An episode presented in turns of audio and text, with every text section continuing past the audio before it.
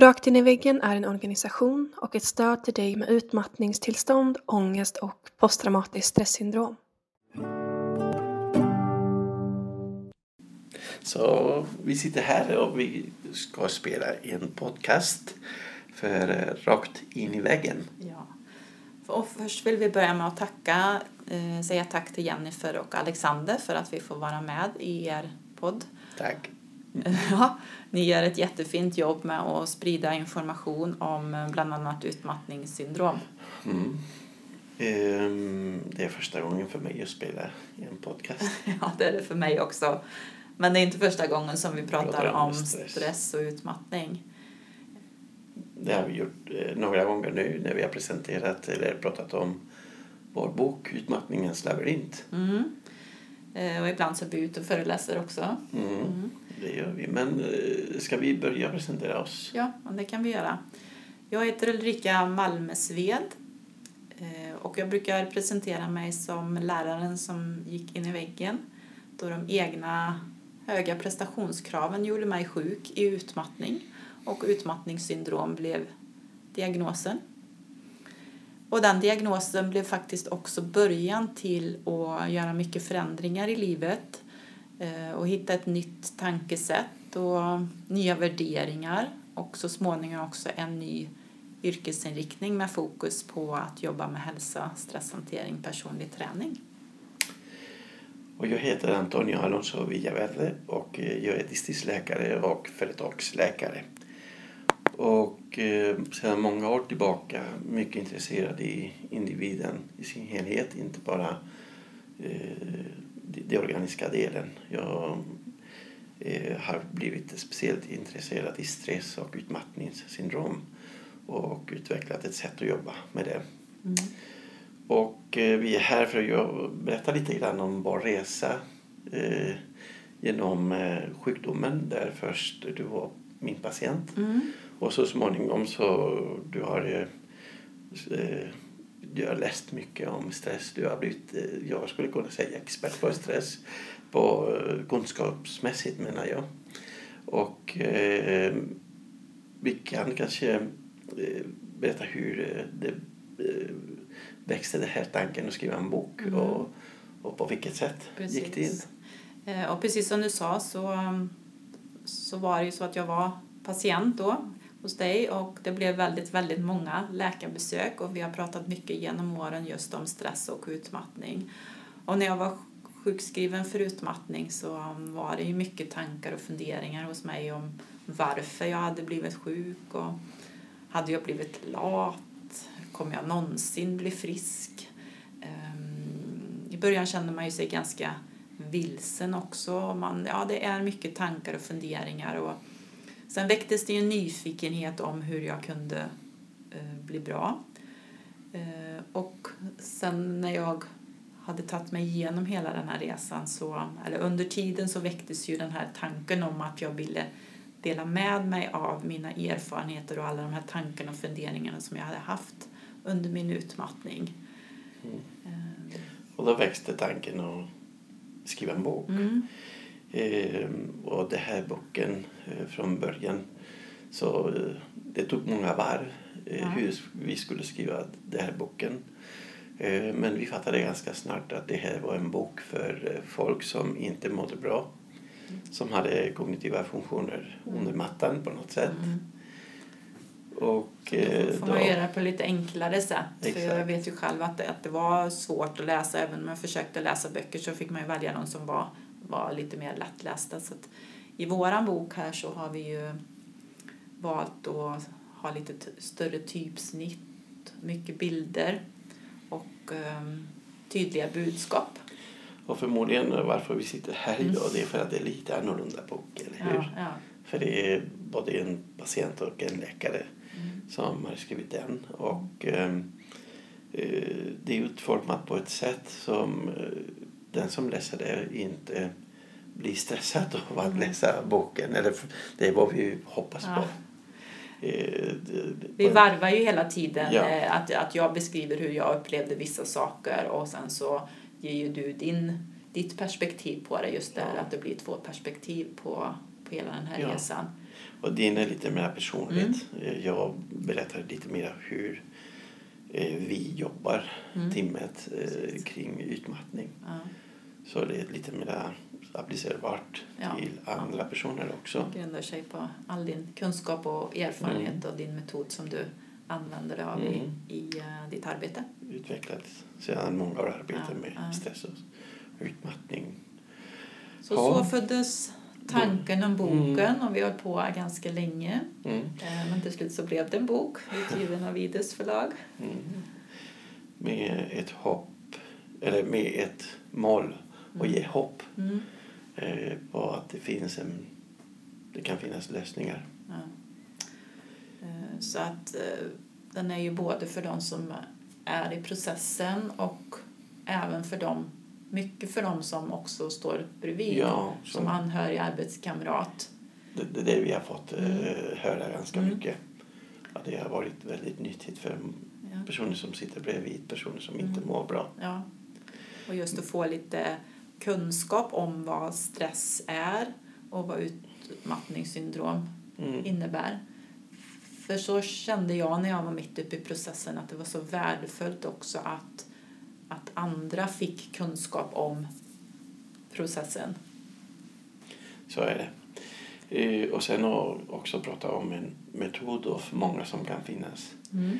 Eh, som utvecklas av en team som eh, man kan se att det finns en struktur i det, vilket är också viktigt för den som inte mår bra. Att inte hamna i ovissheten och få ett nytt mål på hur man kommer att jobba tillsammans eh, med utmattningen. Men det kanske mer än att prata om boken, vi kanske kan prata om hur det gick till.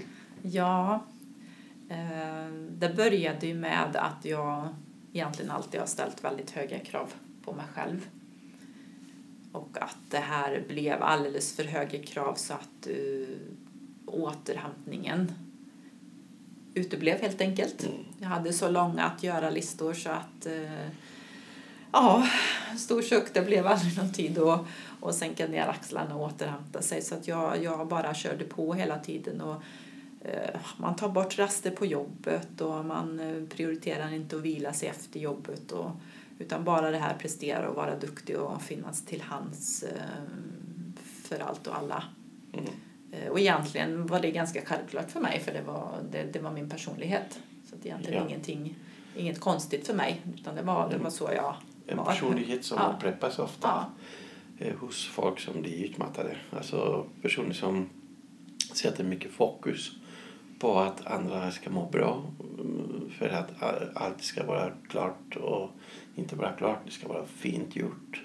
Helst perfekt om det går. Eh, många gånger man struntar i sig själv för att kunna göra andra glada.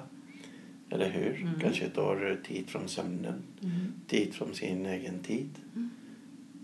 Så, så var det absolut. Så att när, man, när jag hade hållit på så här för länge och för mycket av allting så kom, ju, kom det mycket stresssymptom.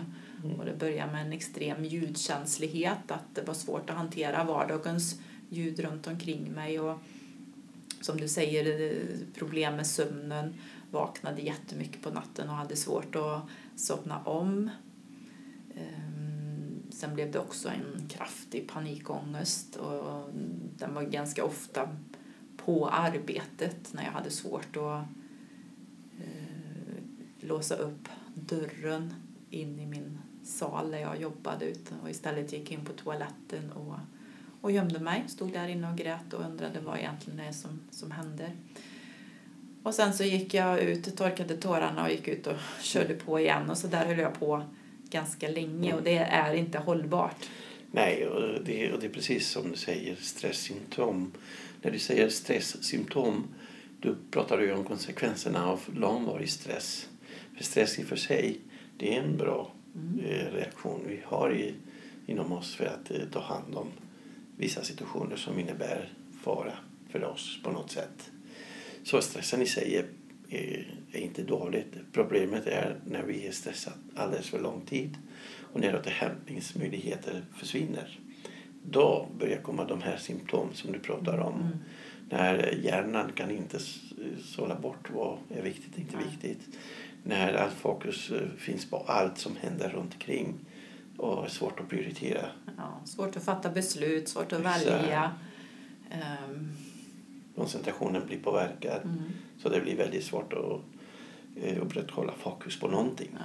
man, och då, det gör ju också att man blir väldigt trött. Eller hur? Ja, man, man vill prestera mer och Mm. mer och det blir tvärtom. Det, prestationen blir Ja. sämre, effektiviteten blir sämre. För man, det är svårt att hålla fokus på något. Och då hamnar man i toaletten. då hamnar man och gråter. Ja. Eh, Efter ett tag så mm, kom jag iväg till läkare. Och det var du. Ja, Efter några andra turer. Men blev det du. Ja. Och hur blev det? Ja. Då träffade jag en tjej som var jätteovarvat. Som hade många, många måste kring sig. Eh, Hade alla sina problem, alla sina bekymmer, alla sina tankar på samma plan. Som kunde inte välja vad var viktigaste då. Och eh, som hade väldigt svårt att, att fokusera på eh, det som var viktigt i den stunden i, i, i vår möte.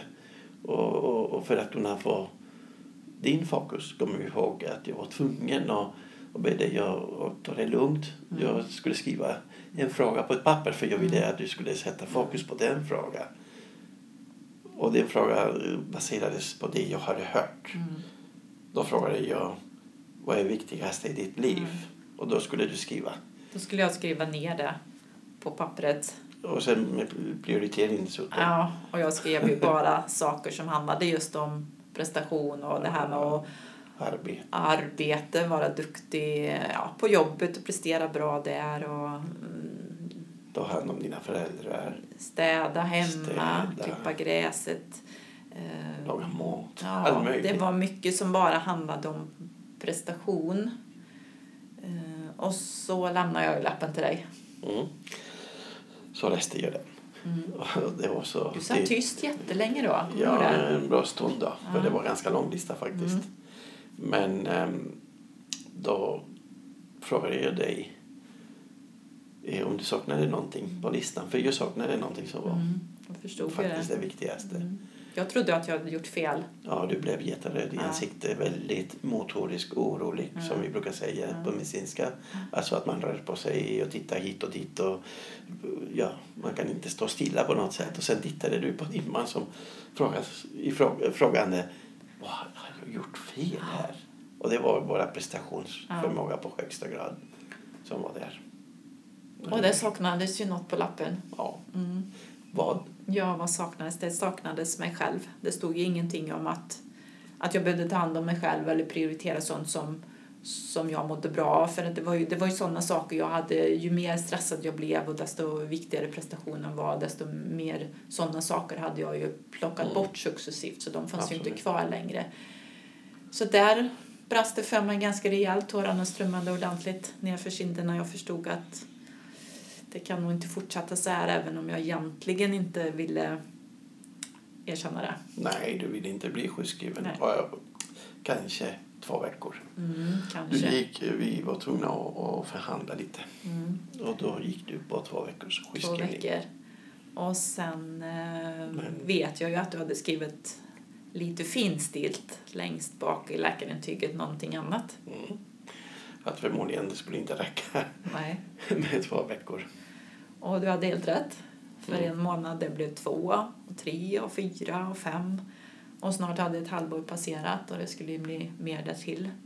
Ehm, Mm, men så, så det, det, det, det, det blir så. ja. Alltså det finns en dum regel som säger att det tar ungefär lika lång tid att återhämta sig från en, från en utmattning Mm. som den tiden som det tar att bli utmattad. Ja. Och eh, om man följer eh, Socialstyrelsen eh, kriterier Mm. för utmattning då är det minst exponering för stress som orsakar negativa påverkan. Eh, sex månader sa vi. Mm. Så, och oftast är det mycket längre än sex månader. Så då det är lite, det är lite lätt att räkna Ja, framåt ja, också. Men det tar ju tid. Det tar sin Så tid. är det och man blir ju ganska frustrerad. Att det, att det ska ta så lång tid. Men kroppen behöver ju åter, återhämta sig. Mm. Så, så du fick din sjukskrivning. Ja. Vad hände då? Och eh, då, då hände det någonting som är viktigt tycker jag.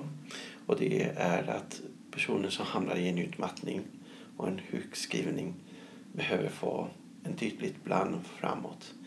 Att vara sjukskriven bara ger knappast någon effekt. Eh, Man behöver jobba med sig själv. För en sak som jag har lärt mig i alla dessa år och på alla, allt som jag har läst och alla erfarenheter som jag har fått är att lösningarna finns i individen. Mm. Och det är dem vi ska försöka hjälpa individen få fram. Ja. Men när man mår så dåligt, Nej, då är det svårt. det finns ingenting Nej. att ta fram. Resurserna är helt gömda. Ja. Det är som att de kommer inte ut. Nej, och i början av sjukskrivningen så var jag ju lite rastlös för det var ganska svårt för mig att bara dra i bromsen från hundra full fart till att inte göra så Ja. mycket. Men, men sen efter ett tag så, så blev jag väldigt trött när jag hade accepterat Mm. Eh, att nu var det så här. Min kropp behövde ju verkligen vila och återhämta sig och, och börja bygga upp resurser igen. Mm. Så, så sen kommer man, kom jag in i det här just att man var väldigt trött och det, det är mycket som blir annorlunda hemma för en själv och för familjen och för anhöriga runt, runt omkring. Och det är inte alltid så lätt att förstå det här eh, med vad man orkar och inte orkar. Jag brukar ta det här exemplet med att duscha kunde vara ett projekt. Eh, Det var ju sånt som man i vanliga fall kanske tyckte var skönt men nu var det liksom ett stort projekt att ta sig till duschen, duscha och sen vet jag att när jag hade duschat klart då fick jag lägga mig och vila mig. Och det är för att din energi var så liten. Mm. Så du använde din energi för att fixa Mm. en sak. Mm. Och det var nästan eh, det första vi pratade om. Mm. Att det var positivt att fixa små saker. Och, fast, och, och, och, och sätta lite märke på det. Att eh, man har lyckats med det. Ja. Men om vi backar lite på det du sa. Det är svårt att dra från bromsen. Mm. Eh, det- min erfarenhet i alla fall det är antingen man kommer som det kom på full fart som en, ett tag som är, har många vagnar bakom och fulladdat som försöker bromsa. Mm. Det är helt omöjligt att bromsa helt. Alltså, vi kan bromsa tid. Alltså vi kan ge en sjukskrivning från dag ett. Men hjärnan bromsar inte. Nej, den fortsatte snurra ett tag till. Den fortsätter snarare en bra tag till. Och det är väldigt jobbigt. Oftast den första veckan, två veckor tills man börjar komma till insikt är väldigt jobbiga. Mm. För hjärnan är på full fart men ineffektiv. Mm. Det händer ingenting. Jag planerade ju det ganska direkt hur jag skulle komma tillbaka till arbetet och gjorde Ja. upp lite planer och sådär. Men eh, så skulle vi inte göra. Nej. Nej men det är, så är det. Vad är Man- andra alternativet? Ja, det andra alternativet är att när man kommer är redan kollapsat. Mm. Mm. Då, då, då har någon annan har träffat eh, det här tåget när det har stått efter bromsen Mm. och man fattar ingenting. Nej. Och då har man gått alldeles för långt i processen. Det, det, det tar mycket längre tid för att återhämta sig när man är i den status. Eh, och det är därför vi som jobbar med utmattning och stress tycker det är väldigt viktigt att försöka fånga folk så tidigt som möjligt. Delvis om man själv inser att man är på väg dit eller som det brukar hända att andra lyfter upp tankarna och funderingar på vad är det som händer med Ulrika. Ja. Eller men just, just att vara observant så, mm, runt omkring på kollegor och, Mm. och så. Hur, hur, hur man, om man får ett förändrat beteende. Absolut. Så. Som ofta att Ja. det är de här symptom av stress som vi precis. pratar om. Ja, det är att man kanske inte tar rast heller och sådana där saker. Att, Ja, eller att Ja. man är jättetrött Mm. trots att man sover och man är trött hela tiden. Mm. Och det händer för vi, vi tappar vår bästa återhämtningsverktyg som är sömnen. När man är så ovarvad så man kommer inte i djupsömn. Nej. Så får man en sjukskrivning. Ja. Och mycket blir som sagt var kaos och annorlunda för familjen just det här när man inte kan eh, vara som man var innan. Det är svårt att hämta, om man, vi hade svårt att hämta barnen på fritids, man kan inte åka och handla, man kan inte laga mat, det är, det är inte så mycket man kan göra men där fick jag ju hjälp av dig att liksom hitta den här strukturen på, på vardagen då, liksom hur jag skulle Jag ger värde på de här små sakerna.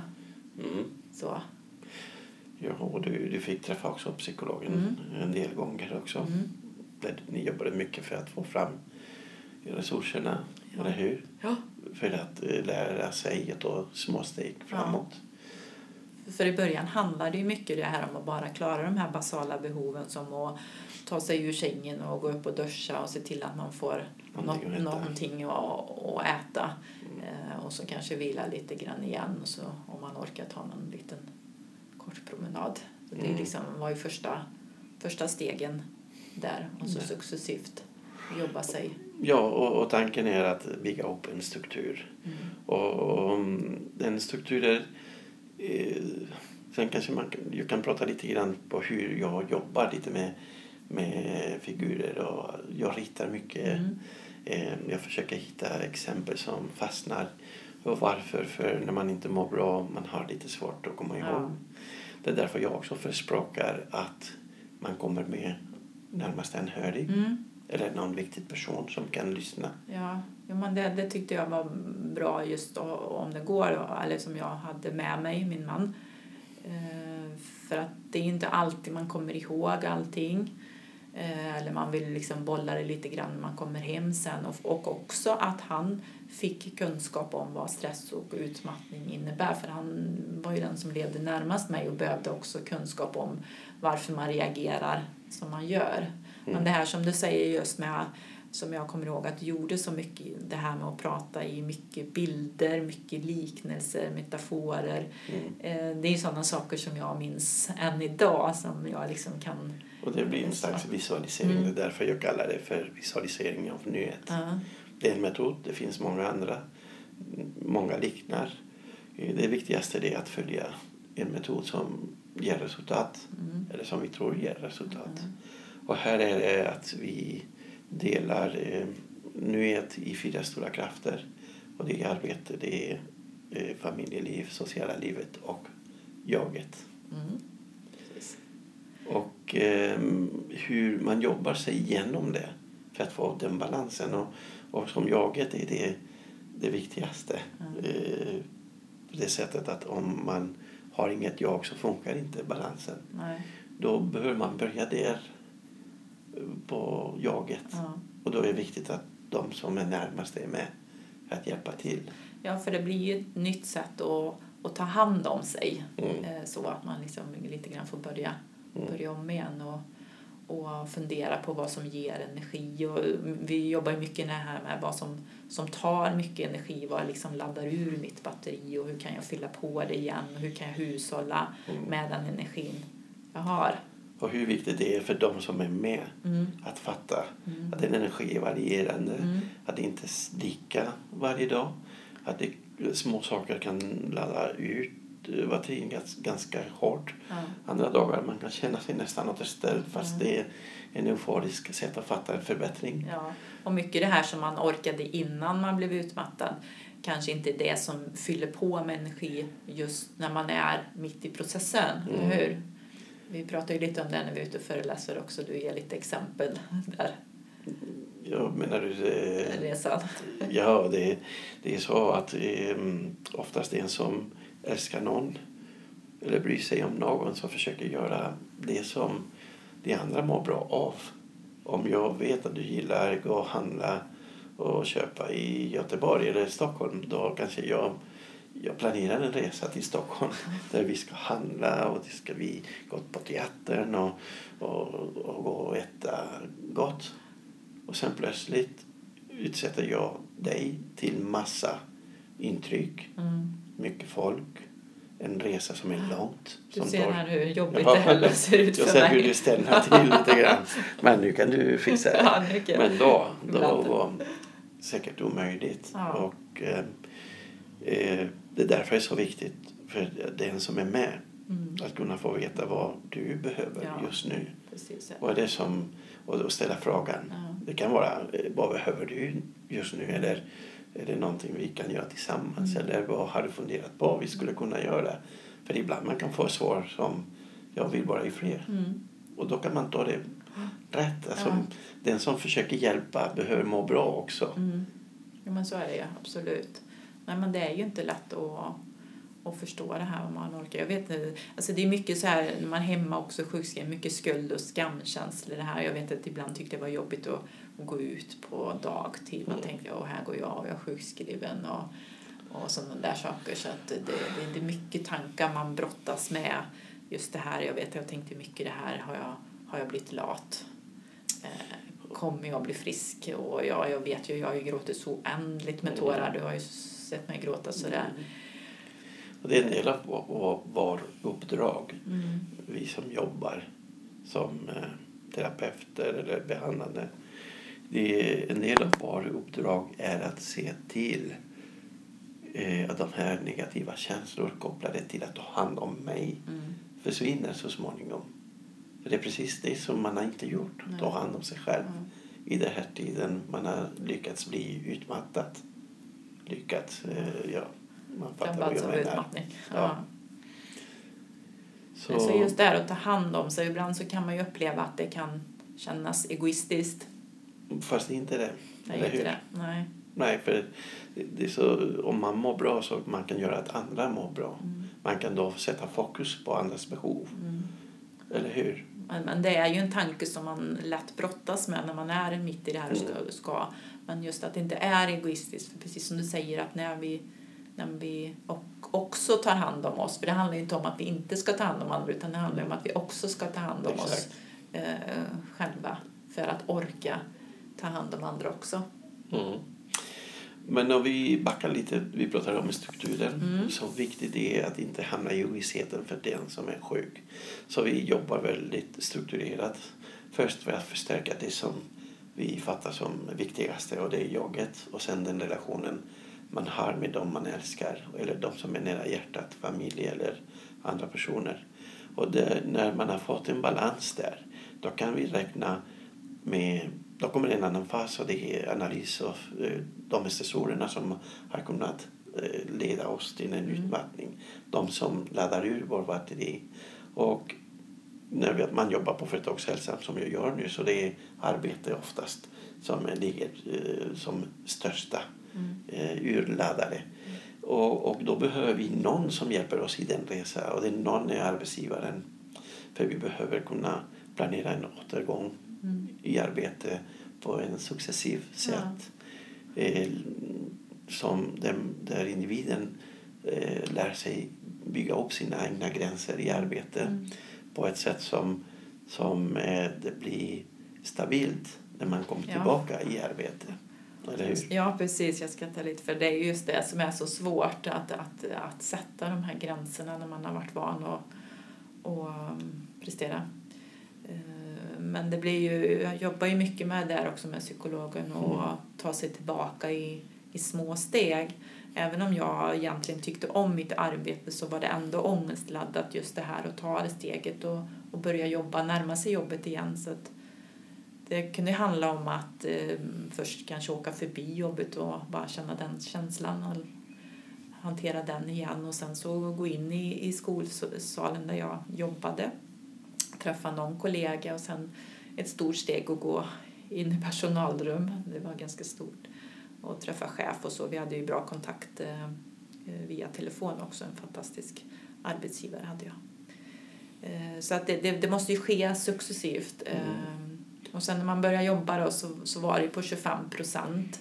Men det är klart att de 25 procenten som jag var där så var jag ju inte 100 procent frisk de procenten jag var där. Man kan inte det- producera nej. en ren 25 procent. Nej. Så det blir lite... Så det, det, är ju, var ju tufft att börja jobba, så är det. Mm. Och sen tuff, tuffa dagar där man känner att man har lite mer energi. Så man kunde göra lite mera men ändå måste man hålla gränserna. Mm. För det vi försöker det är att hjälpa personen att fatta att det finns gränser. Mm. Och om man har aldrig haft gränser, Hur, hur lär man sig det? Nej. Så det är det enda sättet. Det är en successivt sätt Ja. att sätta gränser som töjs lite till och lite Mm. till tills man hittar rätt nivå. Ja. Och, och då viktigt i den här processen att arbetsgivaren är med. För det är arbetsgivaren som kan hjälpa till att anpassa, att informera resten av personalen. Mm. Att eh, skapa förutsättningar för att det kan bli möjligt. Mm. Så jag började på 25 procent och gjorde så ett tag eh, och sen kom det ett bakslag. Ja. Panikångesten var tillbaka. Jag var in på toaletten igen och stod där och grät och blev ju jätte, jätte, jätterädd blev jag ju. Mm. Så att jag fick det... kontakt er med då. Ja. Och det är för att eh, upp och nedgångar finns i vårt liv hela, hela livet. Och eh, när vi mår bra vi kan ta hand om nedgångarna. Även om de, kan känna sig tuffa. Och vi också tar hand om uppgångar. Mm, Men när man mår dåligt, när man har fallit stort Mm.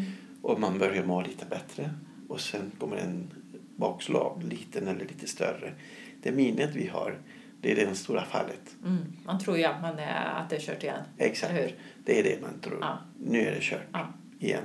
Och då är vårt uppdrag också från behandlingssidan att hjälpa personen att fatta nej, det behövs inte bara det. Det kan vara en, en nedgång Mm. som vi kan ta hand om och sen kommer en uppgång. Mm. Likadant, man ska lära sig uppgång och hantera med uppgångar.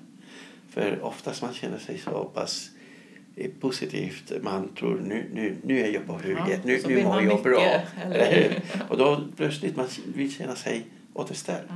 Och det är klart man vill det, för man vill inte känna sig sjuk. Mm. Men vad händer då? Att man använder den lilla energi man har lyckats spara allt på en gång. Att göra en del saker. man plötsligt. Mm. försvinner. Och det blir ingen energi. Man blir jättetrött.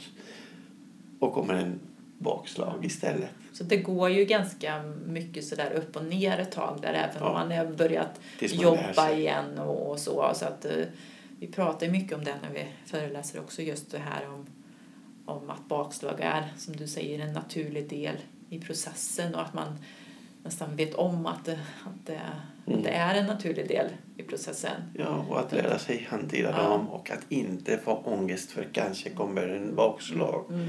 Att, att acceptera att de Mm. kommer och lära sig hantera dem. Mm. Och där kan man använda sig av kognitiv ja. beteendeterapi bland annat. Eller hur? Ja. Och då är resan där Mm. och tillbaka. Mm. Eh, Och då har vi en struktur där personen behöver känna sig bekväm i det. Eh, Det är väldigt viktigt att inte låta finnas många vet inte. Eller eh, när, vad händer efter det här sjukskrivning? Eller och hur blir det på jobbet? Eh, Det är viktigt att vi samarbetar allihopa för att skapa bra förutsättningar. Det Så där- man känner sig trygg som, som patient. Så, liksom att inte det blir ett stressmoment i sig. Ja, i början kanske det är många andra som bestämmer lite för dig. Mm. Men i slutet du lär känna dig själv. Du börjar att känna dina gränser. Och det är du som kan forma slutet av resan till 100% arbete. Mm.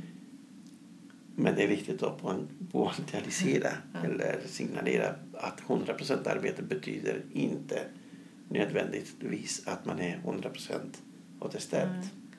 För det är ju ehm, det här med när man har börjat jobba och det tar mer tid igen så, så är det också viktigt att behålla, för under sjukskrivning har man ju ändå börjat bygga upp med nya må bra-rutiner som vi, Mm. som vi säger att, att det här att ta hand om sig och sen när man börjar jobba så ska det här bli en ny vardag igen och se att man fortsätter då liksom att hålla fast vid de här sakerna som man ändå mår bra av så att inte eh, att göra listorna blir det som blir viktigast igen utan eh, man hittar sitt sätt att att må bra även när man är i, tillbaka till arbete igen. Och det är därför det är bra att skaffa sig lite teknik för Mm. avslappning. Mm. lite teknik för återhämtning, inte nödvändigtvis bara sova. Nej. Också viktigt med eh, motion Mm. som Anders eh, Hansen eh, belyser rätt så bra på sina böcker och sina föreläsningar. Det är väldigt viktigt för hjärnan Mm. att hålla en eh, viss motion. Mm. Eh, och sen det är väldigt viktigt att när man är tillbaka i arbetet, att inte sluta processen där. Det behövs en eh, fortsättning, en uppföljning av både på behandlingssidan, det professionella teamet och det andra eh, också inom jobbet, att skapa en kommunikation med arbetsgivaren så att man får lite eh, feedback på hur processen går. Ja. Eller? Ja, jo, Kommer men, du ihåg det? Ja, men så är det ju. Så att jag, jag valde ju att eh, jobba ett tag till i skolan och sen så sa jag upp mig. Men det behöver man ju inte alltid göra. Men det viktigaste Nej. är att man identifierar just vad det är som har stressat. Ja, och Så, sen eh, det vi pratar om Mm. också. Att acceptera att det Mm. finns vissa saker vi kan inte påverka. Nej. Och kommer vi fram till att vi kan inte påverka vissa omständigheter i arbetet eller från oss själva. Mm. Att vi kanske klarar inte bli av med vissa stressorer vi har gentemot det vi jobbar med. Då, då kanske det är bättre att ändra riktning. Mm. Så, jag kommer att sätta en, en, ett exempel som är lite kanske konstigt men det kanske belyser ganska bra. Mm. Om jag är kirurg och plötsligt Mm. blir jag rädd för, för blodet. Då Det är inte kanske så bra att vara blir- kirurg. Nej, Nej. då kanske inte är så bra att stånga mig på att försöka operera när jag mår så dåligt Mm. när jag ser blodet. Mm. Så, Nej, men så, så är det ju. Så det är en process att ta sig igenom Mm. en utmattning. mm. Eh, Man kan, mm, man kan vara lite vilsen ett tag mitt i och ha mycket tankar och funderingar om man kommer bli frisk. Mm. Men också inge ett hopp om att det kommer mer energi och lust och glädje igen. Absolut. Och tanken är att eh, vi lär oss mer och mer. Och tack för sådana eh, podcast som rakt in i väggen. Så kunskapen om stress och utmattning sprids. Vilket kan göra att vi från eh, terapisidan eh, träffar folk innan Mm. man blir helt utmattad. Mm. Och då tycker jag vi har tagit riktiga bra Ja. framsteg. Verkligen. Eh, istället att, ja, vi kommer att fortsätta göra det absolut. För det är det syfte också, att hjälpa alla som inte mår bra. Mm. Men lyckas vi att eh, än inte hamna i en Ja. utmattning så vi är jättelyckliga. Verkligen. Ska vi bara runda lite Ja, grann innan vi avslutar? det gör vi. Vi har pratat om resan som sagt var genom utmattningens labyrint, hur den kan te sig. Och det, min berättelse är ju en resa. Mm. Eh, Allas resor ser olika ut. Sen finns det vissa saker man kan känna igen sig i och vissa saker som är gemensamt. Vi har pratat om att lösningarna finns i individen. Mm. I alla fall de flesta lösningar finns i individen. Och att det finns professionella team, Mm. team som hjälper till med olika aktörer. Det kan vara sjukgymnaster, eh, hälsocoacher, eh, beteendevetare, psykolog och läkare. Mm. Och vi har pratat om en struktur. Ja, att identifiera vad som stressar och vad man mår bra av. Och sen mycket det här också om anhöriga kunskap, behöver kunskap om situationen för att kunna finnas till hands på, på bästa sätt. Exakt. Och inte hamna i ovissheten i den här processen.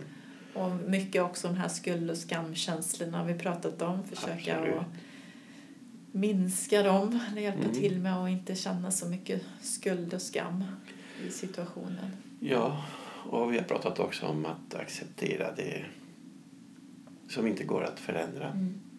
och förändra det som man kan förändra själv eller med hjälp. Och att det är viktigt att ta hand Ta om... hand om sig. Ja, precis. så är det. Så där Och så vill vi- avslutar också boken. Ta hand om dig. så avslutar vi boken. Mm. Så det vill vi verkligen skicka med till er alla som lyssnar och också tacka för att ni har tagit er av våran, eran tid och lyssnat på oss. Tack så jättemycket. Och tack till eh, Jennifer och Alexander för att vi fick dela med oss av vara med. våra erfarenheter. Och eh, kunna spela in vår första podcast. Ja, precis. Tack så mycket. Tack.